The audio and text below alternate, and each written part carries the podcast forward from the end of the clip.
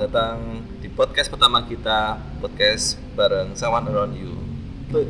Podcast yang pertama ini kita akan membahas tentang Q&A bersama Menir Duren. Siapa sih Menir Duren itu? Ya, nanti kita ulik bareng-bareng. Di sini ada teman-teman kita. Silakan perkenalkan namanya. Uh, kalau saya biasanya dipanggil Subur.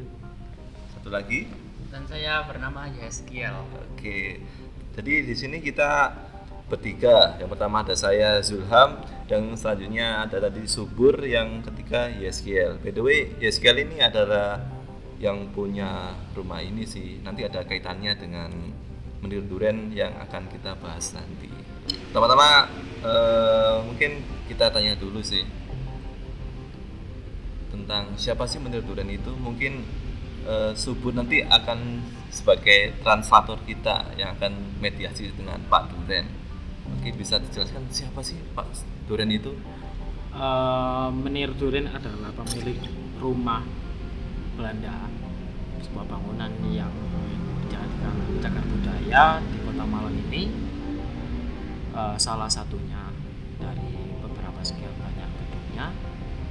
Beliau adalah pemilik dari gedung ini dari mulai tahun 1932 sampai awal kedatangan bahasa Jepang. Mungkin itu sedikit gambaran sih siapa Pak Duren tadi yang dijelaskan oleh teman kita Subur. Nah, sedangkan teman satu kita ini Yeskiel adalah pemilik rumah ya yang dulu merupakan rumahnya Pak Duren. Nah, mungkin ini Yeskiel bisa menjelaskan sih ke kita-kita gimana sih prosesnya? Dulu keluarganya kok bisa mem memiliki rumah Pak Duren ini? Mungkin bisa ya Skiel jelaskan ke share ke teman-teman. Ya sebelum saya menjelaskan tentang bagaimana kakek saya bisa memiliki rumah ini saya akan bercerita tentang sejarah berdirinya rumah ini. Di rumah ini berdiri di suatu kawasan yang cukup strategis di kota Malang dan dibangun kisaran tahun 1915 sampai 1917. Nah, untuk siapa pemilik pertama bangunan dan siapa arsitek yang membangun rumah ini masih belum kita ketahui secara jelas. Namun rumah ini yang diketahui untuk digunakan sebagai tempat usaha pertama kali terdaftar pada tahun 24 1924 sampai 1929 di mana dibuat sebagai dealer motor Harley Indian Douglas yang dimiliki oleh Tuan Louis Cornelis Verhey dan setelah itu digunakan sebagai toko piano bermerek Box tahun 1929 sampai 1932 yang di dimiliki oleh W. Ravenslaw. Dan kemudian pemilik bangunan ini pada tahun 1932 sampai Jepang data adalah Bapak Menir Duren yang nama lengkapnya adalah Peter Johann van Duren.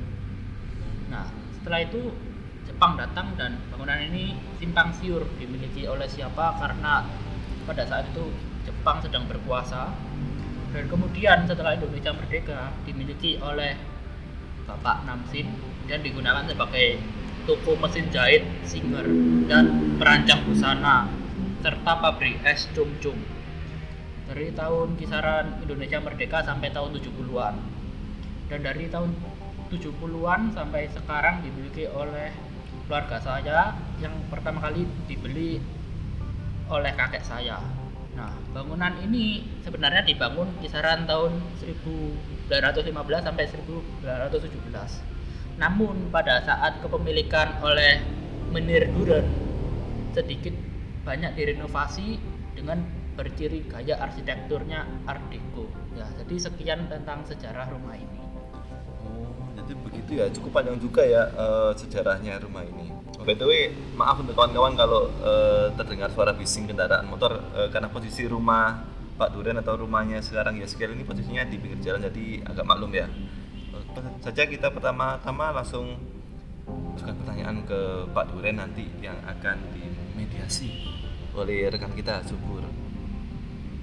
Yang pertama-tama mungkin mungkin dari pemilik rumah nih ya sekian ada, pertanyaan yang mau diajukan ke Pak Duren. Mungkin lagi kepo apa sih kepo apa ke Pak Duren Mungkin saya ingin bertanya mengapa Menir Duren ini memilih Kota Malang sebagai tempat hidupnya untuk untuk bertahan hidup lah untuk sebagai tempat kerjanya? Kok nggak memilih kota-kota lain yang lebih besar dan sudah pasti kelihatan lebih meyakinkan kesuksesannya? Ya itu mungkin karena di daerah kan dulu itu kan masih berupa kawasan yang dingin lah. Kawasan yang dingin dan secara tata kotanya itu masih asri dan bagus untuk oke ya kalian sendiri tahu kalau misalnya orang-orang Belanda dulu kan itu untuk memilih pemukiman itu biasanya milih yang masih asri ya istilahnya kota taman gitulah. Kemudian eh, ke- secara kebetulan kota Malang dulu memiliki itu semua. Menarik ya alasannya Duren oke next question mungkin saya ya. Oh iya menurut beberapa sumber dan info sih yang beredar di medsos Pak Duren itu suka fotografi fotografi. Saya mau tanya sih kenapa Pak Duren suka banget sama dengan sama fotografi menurut beliau itu adalah hobinya. Hobinya juga itu dari dulu suka hang out ke halangan malam untuk mengabdi dengan itu semua itu maka justru beliau menjalani bisnis fotografi oh iya iya. Jadi yang sesuai dengan hobinya. Jadi selain hobi juga dijadikan bisnis juga ya? Iya. Oke. Mungkin ya sekian lagi ada yang tanya ya sementara ini saya cukup nanti kalau ada pertanyaan yang ingin saya sampaikan akan saya sampaikan Oke, saya tanya lagi. Eh, by the way, kalau boleh tahu sih, Pak Duren, di mana hasil karya-karya Pak Duren sekarang tersimpan? Mungkin kalau kita boleh tahu sebagai generasi milenial.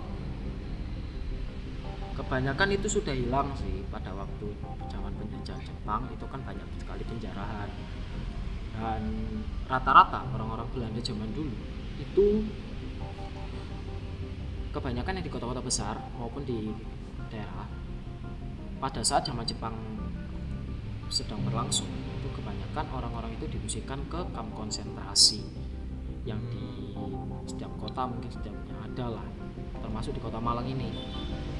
Untuk aset-aset atau harga bendanya itu kemudian juga alasan yang eh, kepemilikan aset yang enggak karu-karuan ya banyak sekali penjarahan atau mungkin atau penghancuran lah.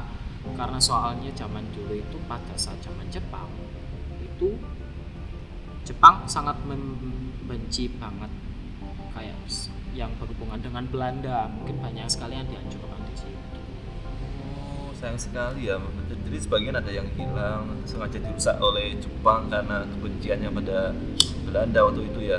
ya Mungkin seperti itu. seperti itu tapi sebagian kecil ada juga yang tersimpan di museum Belanda Hmm, mungkin Yeskier eh, di rumahnya mungkin pernah nemu barang-barangnya Pak Duren.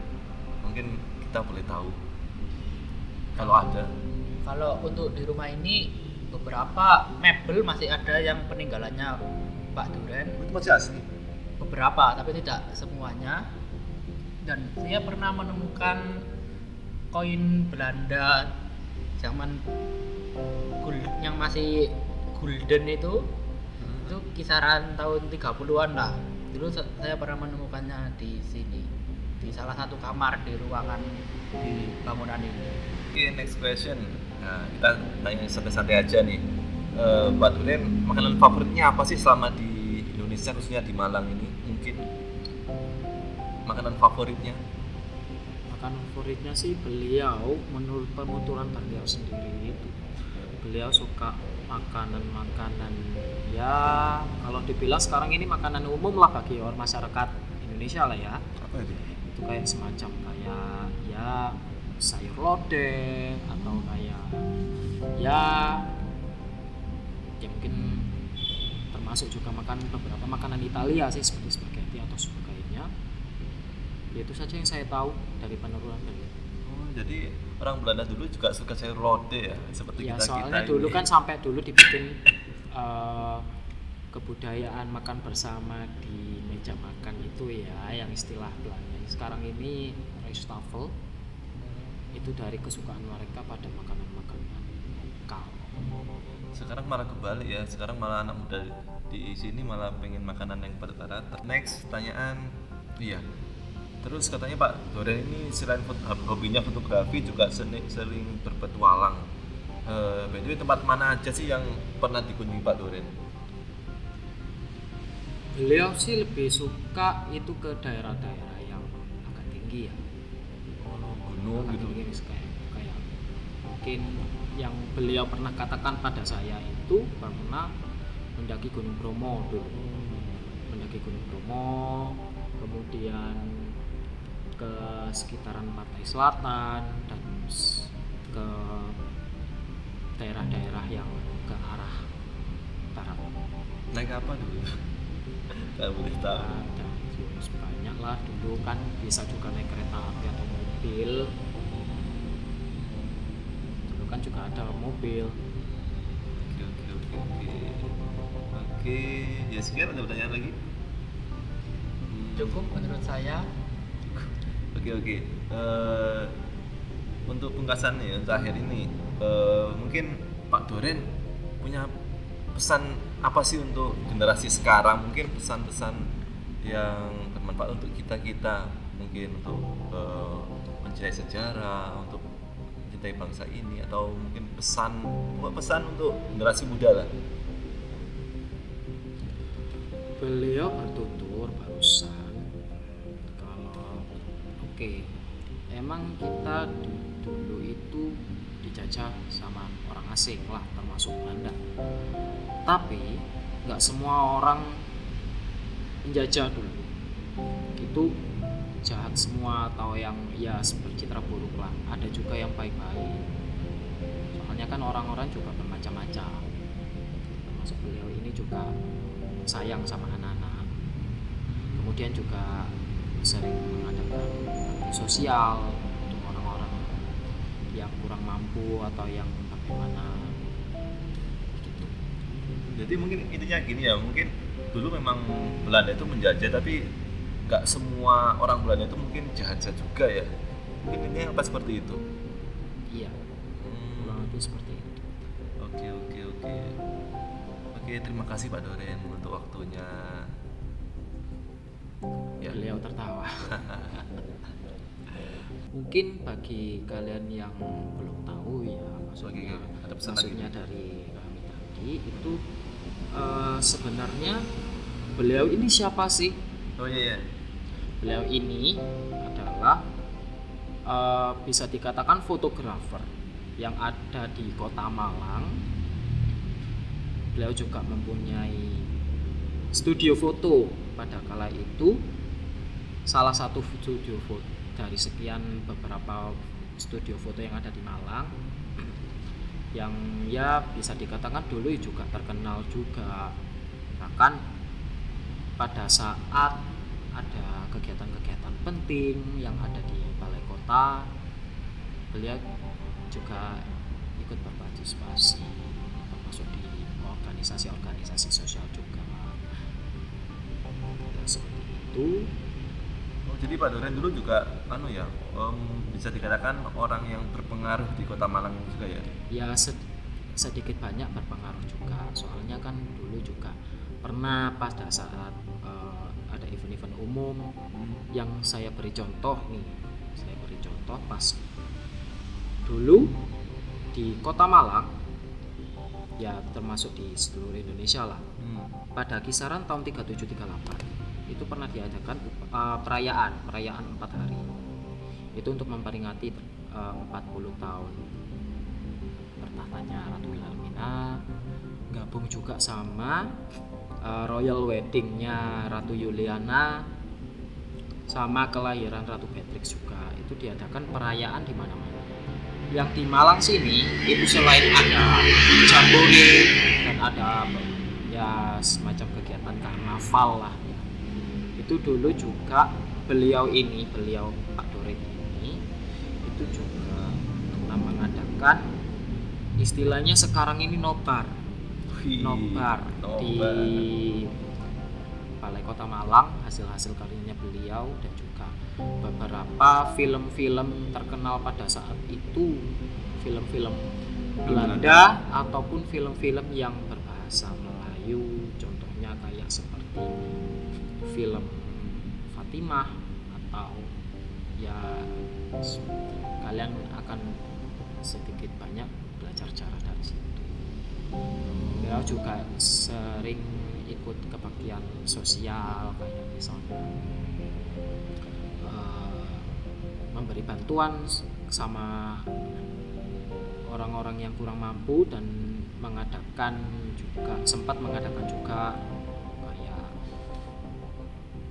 semacam hiburan bagi anak-anak kecil operet boneka dan sebagainya. Beliau juga sempat mengabadikan momen tersebut di dalam beberapa karya-karya fotografinya tapi ya sayang sekali sekarang ini sudah hil banyak yang hilang lah karena ya mungkin salah satunya terjadi peperangan lah itu gitu. Oh, jadi itu ya sedikit info tentang siapa sih Pak Duren itu. Ternyata juga eh, cukup ber- berpengaruh ya di kota ini. Oke, menarik menarik menarik pembahasan kita malam ini. Mungkin itu dulu ya untuk episode podcast pertama kita Q&A tentang Pak Duren eh, pemilik rumah Votax ini yang terletak di Kayu Tangan, Kota Malang khususnya. Eh, dari kalian yang orang Malang pasti tahu. Oke, oke, cukup sekian untuk podcast kita pertama.